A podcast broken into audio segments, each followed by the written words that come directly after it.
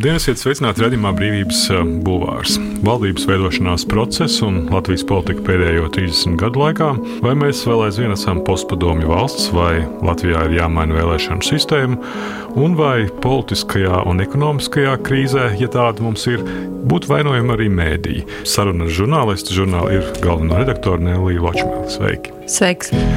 Gatavoties sarunai, es uh, skatījos, ka nesen ir iznākusi poļu pētnieka Jakoba Mikanovska grāmata, kas tā arī saucās ar Dievu Austrumu Eiropu, kur viņš raksta, ka kopš padomu Savienības sabrukuma nu, šis jēdziens ir izgājis no modes. Un, ja kādam tagad pajautās, viņš jums atbildēs, ka Igaunija ir Baltijā vai Skandināvijā, Slovākija centrāla Eiropā, Horvātija Adrijas jūras austrumos vai Balkānos.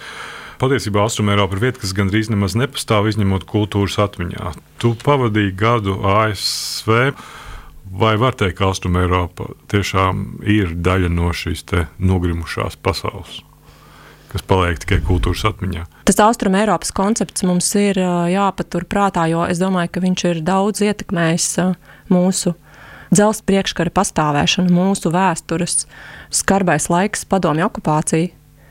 Man liekas, ka to mēs nedrīkstam tā izdzēst, jo tas arī ir viena no lietām, kas varbūt arī Rietumē Eiropā ir jāatgādina. Tā ir arī viņu atbildība, ka Austrum Eiropa tika atdota šim sarkanajam mērim, un mūsu attīstība iestrēga. Latvija būtu citādāka valsts, Igaunija, Lietuva būtu citādāka valsts, ja mēs līdzīgi kā Somija būtu saglabājuši neatkarību, nevis nonākuši padomu savienībā. Šo dzelzceļa priekškaru jau mēs paši nenovilkām. Arts Svece Satorija pagājušā nedēļā raksta, ka pirms kāda laika nu, viņa attieksme pret Latvijā notiekošā bija tāda, ka daudz notikumu ir neizbēgami postpadomi valstī, kas bija okupēta vairākus desmit gadus. Taču tās mūsu problēmas, viņuprāt, vairs nevar izskaidrot tikai ar to vēsturisko situāciju, jo, kā mēs redzam, citi ar šīm problēmām tiek labāk galā. Tā ļoti vienkārši salīdzināt visus ar visiem var tad, ja ļoti maz zina kā, no virspuses liekas, jo, jo tu esi tālāk, piemēram, no Baltijas valstīm, jo vairāk liekas, ka tas ir kaut kas vienveidīgs. Jo tu tuvāk pienāc, jo tu labāk saproti, ka tur ir ļoti liels atšķirības. Tāpēc man liekas, ka, ja mēs gribam saprast, kāpēc Latvijā ir problēmas, tad padomju mantojums noteikti būs no, viens no skaidrojumiem. Un es domāju, okupācijas sekas ar milzīgo imigrantu iepludināšanu un tautas atšķēdīšanu kas citās republikās tā nenotika.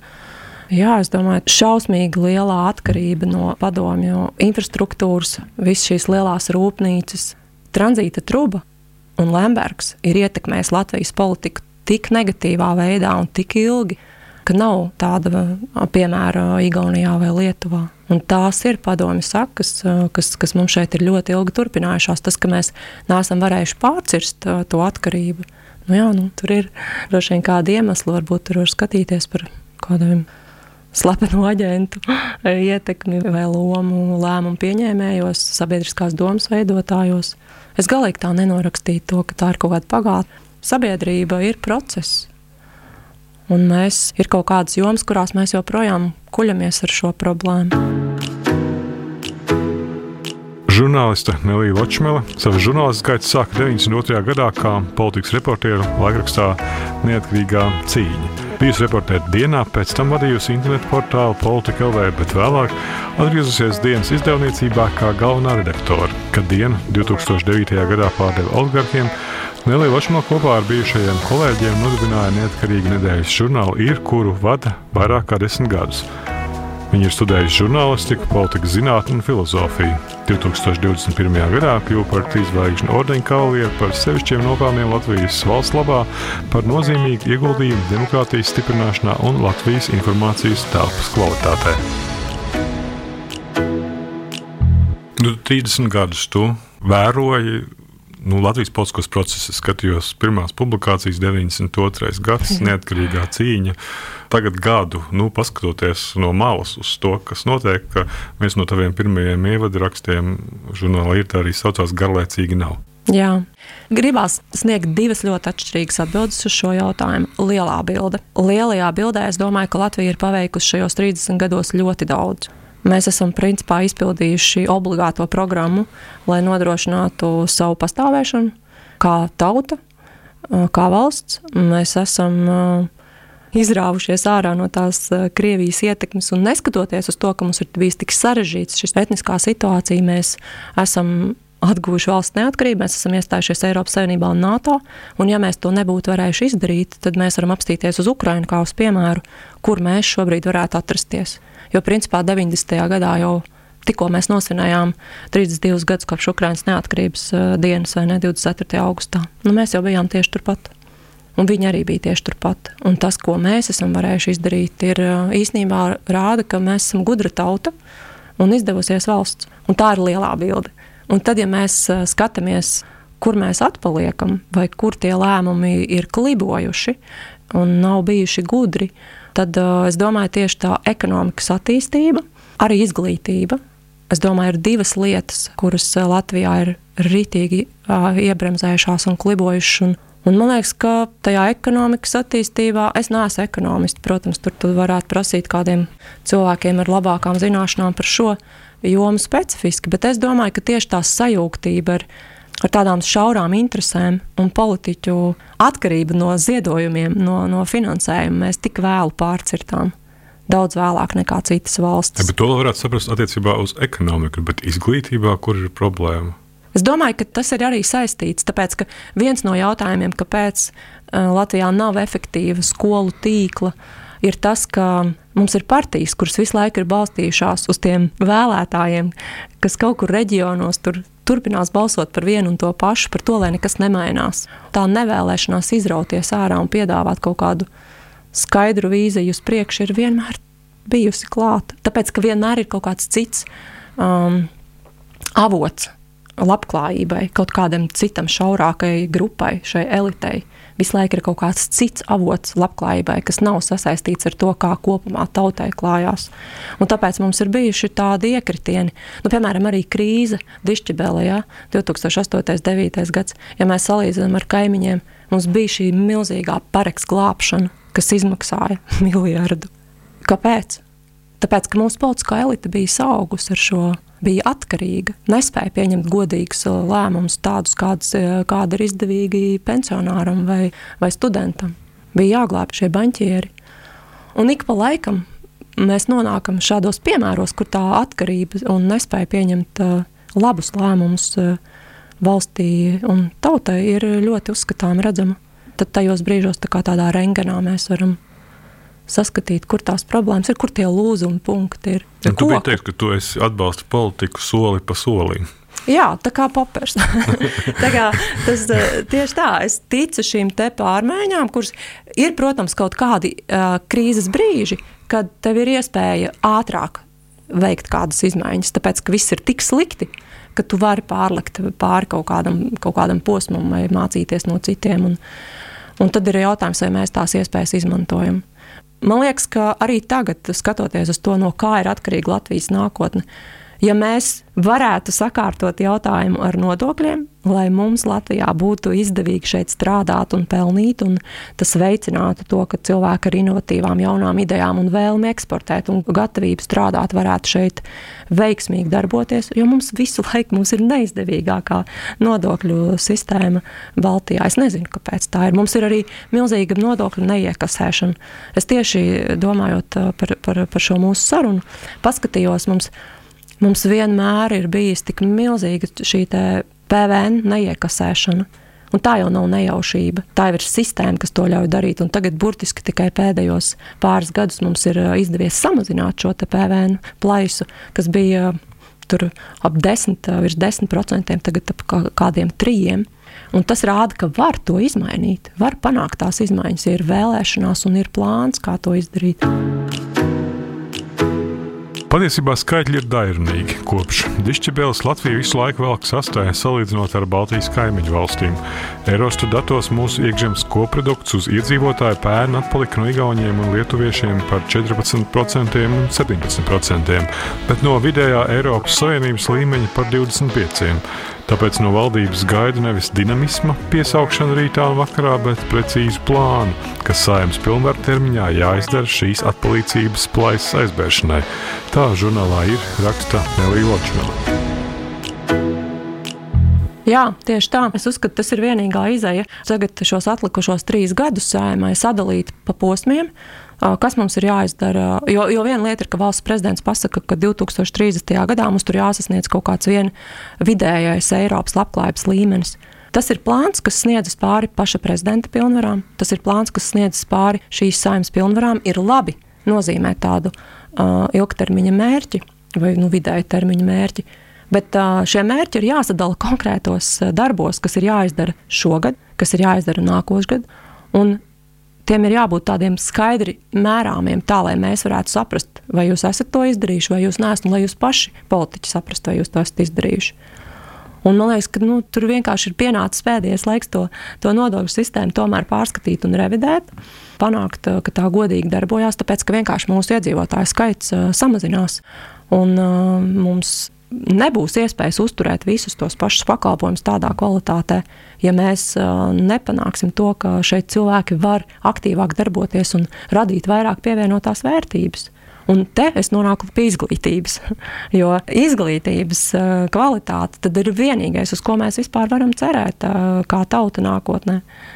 Un, ja mums pašlaik ir tik ļoti slikti rezultāti un tās esošās skolas ražo tādas viduvējības, vai pat cilvēks, kas pat matemātikas eksāmenu nevar nokārtot pašā zemākajā līmenī, nu tad kur tad ir tā nākotne? Brīvība, robežas personība, vara, tauta, ideja, viedoklis, nākotne, dzīve un attieksme. Raidījums Brīvības Bulvārs.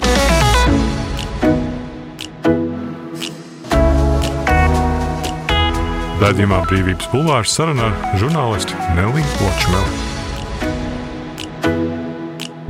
Pirms kādu laiku tur rakstīja, tas bija prezidenta vēlēšanām, ka pirmo reizi mums ir prezidents no paudzes, kam lielās dzīves sākums sakrita ar Latvijas brīvvalsts atjaunošanu. Un kā šīs paudzes latvieta vienmēr esmu jutusies laimīga un pateicīga vēsturei un agrākām paudzēm par šo dāvanu, jo brīvība ir visu iespēju pamats.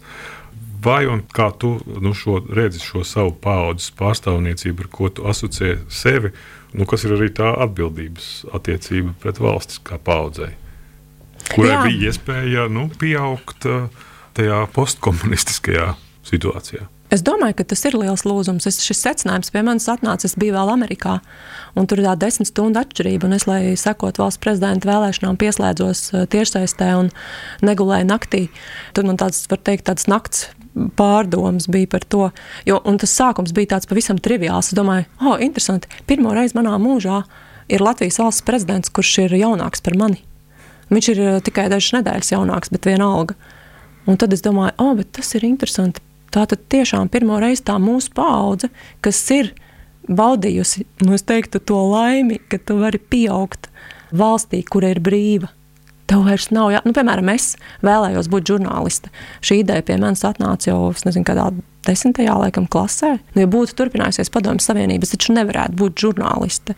Es nevēlētos būt kaut kāds padomju propagandists. Bet tā bija veiksme. Tā bija paldies iepriekšējām paudzēm, paldies visam tam liktenim un vēsturei, ka šīs, šis priekškarš sabruka un es varēju sākt īstenot savus sapņus. Un vienmēr visi mani lēmumi ir bijuši atkarīgi tieši no manis. Likās absurdi, ka 11 gadus pēc saimnes atlaišanas no oligarhu kapasvētkiem Šlesers atkal kandidēja uz saimu, bet Lembergs par premjeru. Jā, es citēju arī krievu lamu vārdus, kas šajā sarunā skanēja pār pārējiem. Tieši tie ir īsts un skaidrs signāls, lai atpazītu šo darboņu stilu un attieksmi pret politiku, valsti un tautu. Vērojot šīs valdības sarunas, jūtos kā pie veca radioaparāta, kur cenšamies uztvert īsto vilni ar tīru skaņu un melodiju, kam gribētos dziedāt līdzi, bet pa vidu no vecajiem rītdienas sarunu ierakstiem sprakšķi virsū tie un griež ausīs tā, ka neko citu vairs nevar dzirdēt. Raksta žurnālā ir ievadrakstā Nelija Ločmela. Tu biji nosaukusi oligarhu sarunas par materiālu, ko var vērtēt kā jaunāko laiku mēdīju vēstures arheoloģisko izrakumu. Kas, tavuprāt, būtu savādāk, ja šīs sarunas nebūtu izraktas? Pirms vēlēšanām pārlasīju vēlreiz rītdienas sarunas, un mēs publicējām no jauna tos spilgtākos fragmentus. Jo man likās pilnīgs absurds, ka mēs pēc 11 gadus pēc saimnes atlaišanas eh, esam atpakaļ situācijā, kurā Šlesers kandidē uz saimu un Lembergs par premjeru. Un tagad, šoruden, man liekas, ka tas arī ir absurdi, ka mēs diskutējam pilnā nopietnībā par to, ka Lemberga partija varētu būt koalīcijā. Man liekas, tas tā, tā ir reāli noiets etaps. Mums ir ASV sankcijas. Viņš ir notiesāts pirmajā instancē, atzīts par vainīgu smagos noziegumos. Tas ir reāli noziegumi. Viņš ir vienu gadu nosēdājis cietumā par to jau. Viņš turpinās, protams, tiesāšanu, gal, gala lēmumu vēl nav. Bet kāpēc mums ir vispār šāda diskusija par to, ka viņu šīs divas Ventspils partijas balsis ir tik svarīgas? Man liekas, ka politiķiem šobrīd tajā iekšējā balsu stiķēšanā būtu jāatkāpjas bišķi atpakaļ un jāapskatās, kā tas no malas izskatās. Un ja dinamisms un pārmaiņas valdībā ir atkarīgs no Lemberga, es atvainojos, es tam neticu. Es tam vienkārši neticu. Nu, bet ir arī tāda elementāra lieta, pati es jau es skatījos, būdams politikā LV galvenā redaktori kad uh, pirms emša valdības apstiprināšanas uh, runā par to, ka nu, ir koalīcija un ir matemātika. Un tur vienkārši ir, tas ir nepielūdzami. Jā, Lai bet, kaut uh, ko izdarītu, ir vajadzīgs 50 plus balss. Protams, jā, tāpēc arī acīm redzot, šīs divas deputātu balsis bija nepieciešamas uh, Rinkēviča ievēlēšanai par valsts prezidentu. Bet šobrīd es domāju, ka tā situācija vairs nav tāda. Ir iespējama valdība, kurā nav līguma ar uh, Lembergu. Ir iespējams. Protams. Tās ir tikai divas balss. Bet tur ir ievēlēta vienā kopīgā blokā. Jā, bet ša, šī bloka ietvaros ZZSam ir vienošanās ar Lemberga partiju, kurā citas starpā ir teikts, ka visi svarīgie lēmumi ir jāpieņem partijas lēmēja institūcijās un vienam otra tēls pozitīvais jāstutē. Es nesaprotu. Man tas liekas tik elementāri. Es, es arī tajā ievada rakstā rakstu. Saprotu, ja tu omletē ieliec iekšā vienu vanskaru, tā vairs nav omlete. Tu vari to saukt par omleti, bet to nevar ēst. Un es domāju, ka tas ir tas, kas ir mums skaidri tiem politiķiem jāapsaka. Jūs šobrīd liekat iekšā tajā omletē vanskaru. Es to nevaru atbalstīt. Es, es netaisos uz to skatīties un klusēt un to neredzēt. Un es brīnos, cik tuvu vai ar kādu aizņauktu degunu vai atrofējušos sajūtu ir jābūt, lai tu to neredzētu, ka tas ir vanskars. Nu, šīs, ar citu, ir arī viena no lietām, kas ir tas padomju mantojums vai tas, tā mūsu etniskā dalījuma sekas, ka mums visu laiku ir bijis tas latvi, latvisko versus krievisko, latviešu un krievu elektorātu sacensība. Un vienmēr ir bijuši, mēs esam nonākuši pie kaut kādiem izšķirošiem jautājumiem, kuros vienkārši latviešu vēlētājiem ir jāmobilizējās un atkal jāizvēlās tas mazākais ļaunums, lai novērstu scenāriju, kas būtu graujošs. Teiksim, kaut kāda atgriešanās uz kaut kādas Krievijas takas, jo šis risks ir visu laiku blakus. Un tas 30 gadu laikā nav mainījies, tas kopš nav. tu vēro politiku. Tas tiešām ir, bet viņš arī nopietni ir visu laiku blakus. Jo, nu, piemēram, tas pats Šlesers, kas tagad ir ievēlēts saimā, nu, tas mēs saprotam, vai, vai tās pašas vecās Lemberga saites. Ja? Tas tiešām ir visu laiku šeit blakus, un tādā ziņā šī izmaiņa nav notikusi. Mums patiešām ir visu laiku tas risks kaut kādā veidā ieslīdēt atpakaļ šajā Krievijas ietekmes uh, sfērā. Ar ko politiķis atšķiras no friziera? Frizēšana un politika ir ļoti līdzīga, vai ne? Var nocirkt, var pieaudzēt, te piekrāsot, tur ieveidot kaut ko uzskrūlē un šo to iestīvina dažādām gaumēm. Viena efekta tur uz dienu, cita līdz mata galam. Abos gadījumos kāds, kuram maksājam, parūpējas par mums. Varam gurdi pasnaust vai modri sekot līdzi un pakomandēt, bet, ja nepatīk, nākamreiz izvēlēties citu. Taču ir arī būtiskas atšķirības. Frizūra parasti šķiet svarīgāka nekā frizieris, bet politikā uzmanības lauva tiek darītājam, nevis izdarītajam. Sēžot frizieru krēslā, aizmirstas fakts, ka šobrīd kāds rīkojas ar mani. Savukārt politikas laukā ierasta lieta ir savdabīga amnēzija. Sevis aizmirstšana, atsevišķinātais politiķi dara, aizstāja konkrēto politiķi dara man. Tā 2008. gadā portāla Politika LV redaktore Nelija Ločmele. Viena no idejām, kas izskan gan no teātris režisoriem, gan politiskā līmenī par to, ka mums ir jāmaina vēlēšanu sistēma. To es arī savulaik nu, akadēmiski pētīju vēlēšanu sistēmas citās valstīs un Latvijā. Vai, tavuprāt, Latvijas vēlēšanu sistēma nestrādā? Jā, tas tiešām bija mans temats. Man ļoti interesē vēlēšanu sistēmas. Uh, Nu, Pirmais, es atbildot Alvim Hermanim un pārējiem, kas par to runā, es gribu pirmais teikt, ka es ļoti labi saprotu, no kurienes rodas šī ideja, un es atzīstu, ka tas iemesls ir pilnīgi leģitīms. Ir, cilvēkiem ir sašutums par to, ka nav pārmaiņu vai viņas nav pietiekami straujas. Man liekas, tas ir ļoti laba godīga dusmu reakcija, un principā dusmas ir labs spēks, no tā arī var kaut kas labs rasties. Bet otrā atbildes daļa ir tāda, ka meklēt šo vienu burvju nūjiņu, kas tagad visu izmainīs, ir tāds naivums un, godīgi sakot, vienkārši nekompetence. Tas ir, jo tu mazāk zini par kaut kādu jomu, jo tev liekas, ka ir iespējams kaut kāds vienkāršāks risinājums. Vai var precizēt, nu, kur ir tieši tā nekompetence? Jo kā mēs esam arī šajā raidījumā runājuši jau pirms vēlēšanām, ka tā esošā sistēma ļoti lielā mērā ļauj izvēlēties kurus konkrētus cilvēkus mēs vēlamies šajā pārstāvniecībā. Jo šī plusiņa mīnus sistēma ļauj kādam no pēdējā kļūt par pirmo un otrādā. Jā, ļoti. Mums ir īstenībā jau šie maināmie saraksti būtībā. Ja? Vēlētāja ietekme uz to gala rezultātu ir ļoti liela. Starp citu, Evika Siliņa ir ļoti labs piemērs. Viņu vienmēr partija ir likusi augstākā vietā, nekā viņa reāli ir tikusi ievēlēta. Vēlētāji ir, vēlētājiem ir Latvijā diezgan liela ietekme mainīt tos partiju sarakstus.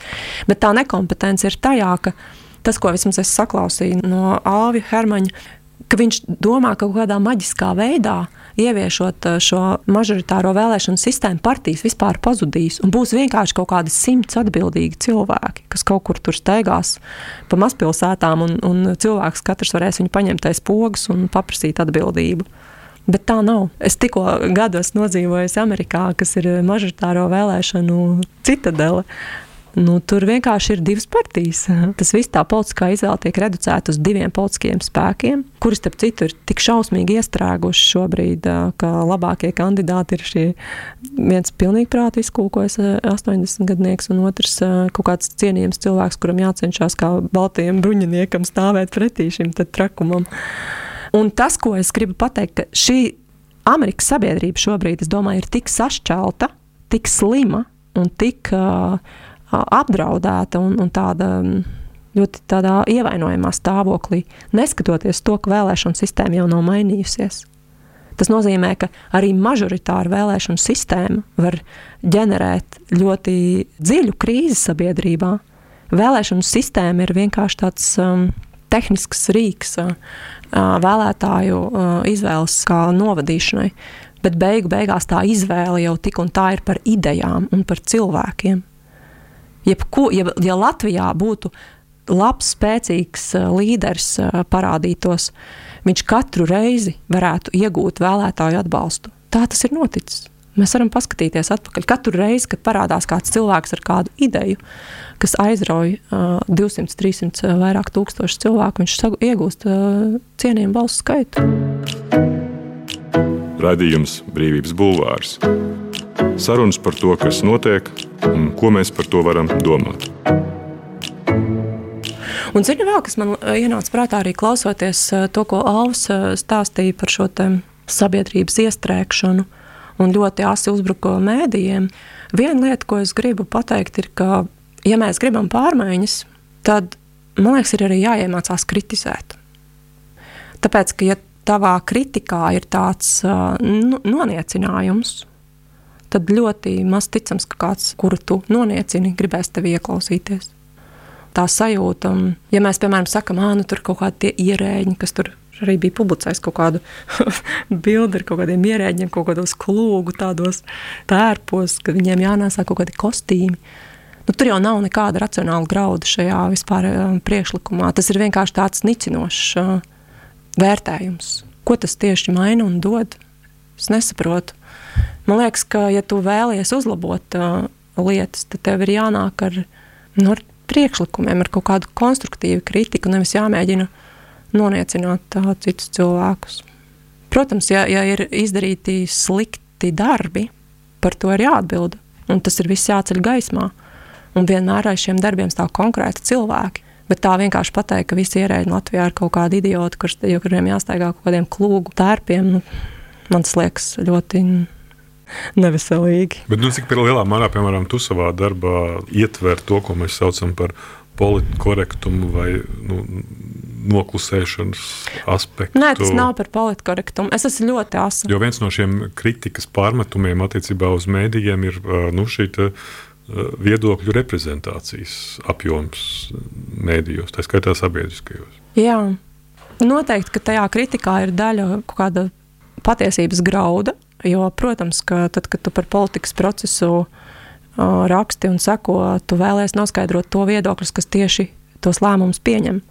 Un tie, un tie jau būs tie Kur cilvēki uzvalkos. jā, un, un tu vari pēc tam pajautāt vēl cilvēkiem, kā viņi uz to skatās un kā viņi to vērtē, bet viņi jau tie cilvēki nebūs tie, kas šobrīd izlems par to, kāda ir koalīcija. Un, ja tu vēlies saprast to procesu, tu runās ar tiem cilvēkiem, kas ir pie tās lēmumu pieņemšanas. Es domāju, ka vispārēji tāda kritika vai tāda naidīga vienkārši norakstīja, ah, šie mēdīji vispār nav uzticami. Tā ir ļoti īstenībā bīstama, jo tad uh, tu izmet ārā veselu nu, sektoru, kurš ir daļa no tā audekla, kas mums tur valsti kopā. Un tas, un tas nav pelnīti. Es, piemēram, noteikti attiecībā uz to savu nostāju teikt, es esmu ļoti asa un kritiska, bet vienlaikus es saprotu, ka ir jāmēģina saprast, gan to procesu, kas notiek, gan arī tos cilvēkus, kas tur ir pretī. Un, nu, zini, filozofijā ir tas uh, saucamais labvēlības princips. Ja, ja tu lasi tekstu, uh, kur autors ir miris, un tu vairs nevari viņam paprasīt, ko viņš tieši ar to bija domājis, tad, tad kad tev ir šaubas par to, vai viņš ir idiots, vai tomēr viņš kaut ko sprātīgi tur ir ierakstījis, tikai tas ir pretēji tavam viedoklim, tev tomēr ir jāpieņem, ka viņam ir bijusi prātīga doma. Nevis tas viss jānoraksta uh, ka tas ir tiešām kaut kāds neizdevies puskoku lēcējs. Un es cenšos to motivāciju saprast un meklēt, kur tur ir tas racionālais grauds. Piedēvēt tādu stulbumu vai, vai vienkārši kaut kādu Latvijas interešu nodevību vai vēl kaut ko tādu veselai grupai ir automātiski kļūda. Tas nozīmē, ka tu esi tik paviršs, ka tu pat neesi iedziļinājies un sapratis, kas tur notiek. Es um, lasīju interviju ar tevi, kas bija šķiet 2020. gadā, kur tu saki, ka esmu lasījusi dažādas memoārus par to, un ka tev visvairāk interesē vienkāršais cilvēks. Cilvēks, kurš godīgi dara savu darbu, dzīvo savu dzīvi un pēkšņi nonāk ārēji radītā krīzē. Un tu pats nezini, vai tu būsi konformists, upuris vai varonis. Tu nevari to zināt, kamēr neesi nonācis šajā situācijā. Mēs varam teikt, ka nu, šis karš Ukrainā bija šāda ārēji radīta situācija, kādā ziņā tas mainīja tevi. Zinu, es atceros to februāri, pirms kara iebrukuma sākuma. Bija tā visa tā krievu masa sapulcēta ap to robežu, un uh, bija jau prognozes mēdījos, tā noplūda informācijas par to, ka būs tas uzbrukums. Es apsēdos vienā vakarā un padomāju, ko man tieši darīt. Un es sapratu, ka, ja darbojas uh, tāds scenārijs. Nu, Ukrainā jau arī bija informācija izplatīta par to, ka ir sagatavoti uh, žurnālistu saraksti, kuri tiks iznīcināti, nogalināti vai arestēti, ja ienāks okupācijas karaspēks. Es tā apdomāju, sapratu, nu es noteikti arī esmu tādā sarakstā, ja, ja šeit kaut kas tāds notiktu. Un tad ir jautājums par to, ko tu vari paspēt izdarīt. Un es sapratu, es vienkārši paliktu savā vietā un turpinātu darīt savu darbu. Varbūt cilvēki, kas uh, ikdienā ir braukuši uz Poliju ar mašīnām, zina kaut kādus apkārt mazos ceļus. es sapratu, ka tas nav iespējams. Un līdz ar to man liekas, ka tā izvēle, ko es esmu izdarījusi, ka es vadu svarīgu mēdīju Latvijā. Kaut kas tāds, kas ir gan ikdienā, miera laikos, gan arī vēl jau vairāk tādā krīzes situācijā. Jāsaka, es arī tomēr ticu NATO 5. pantam un ticu NATO kā organizācijas spēkam. Ceru, ka manā dzīvē nebūs jāpiedzīvo šāds pārbaudījums, kā tu rīkojies tad, ja tava valsts tavā acu priekšā iet bojā. Es vienkārši jāvaru lūgt Dievu par to, lai tā nebūtu. Paldies arī Nelija Ločmela, žurnāla ir galvenā redaktore, žurnāliste. Mans vārds Gins Grūbe, raidījumu ierakstīja Toms Šits un Monteja Nora Mitspa. Brīvība ir brīvība nevienlīdzība, vai taisnīgums, vai kultūra, vai cilvēks laime. Tā teica Iesai Berlīns. Sarunas ar brīvas apziņas un ideju cilvēkiem radījumā Brīvības bulvārs.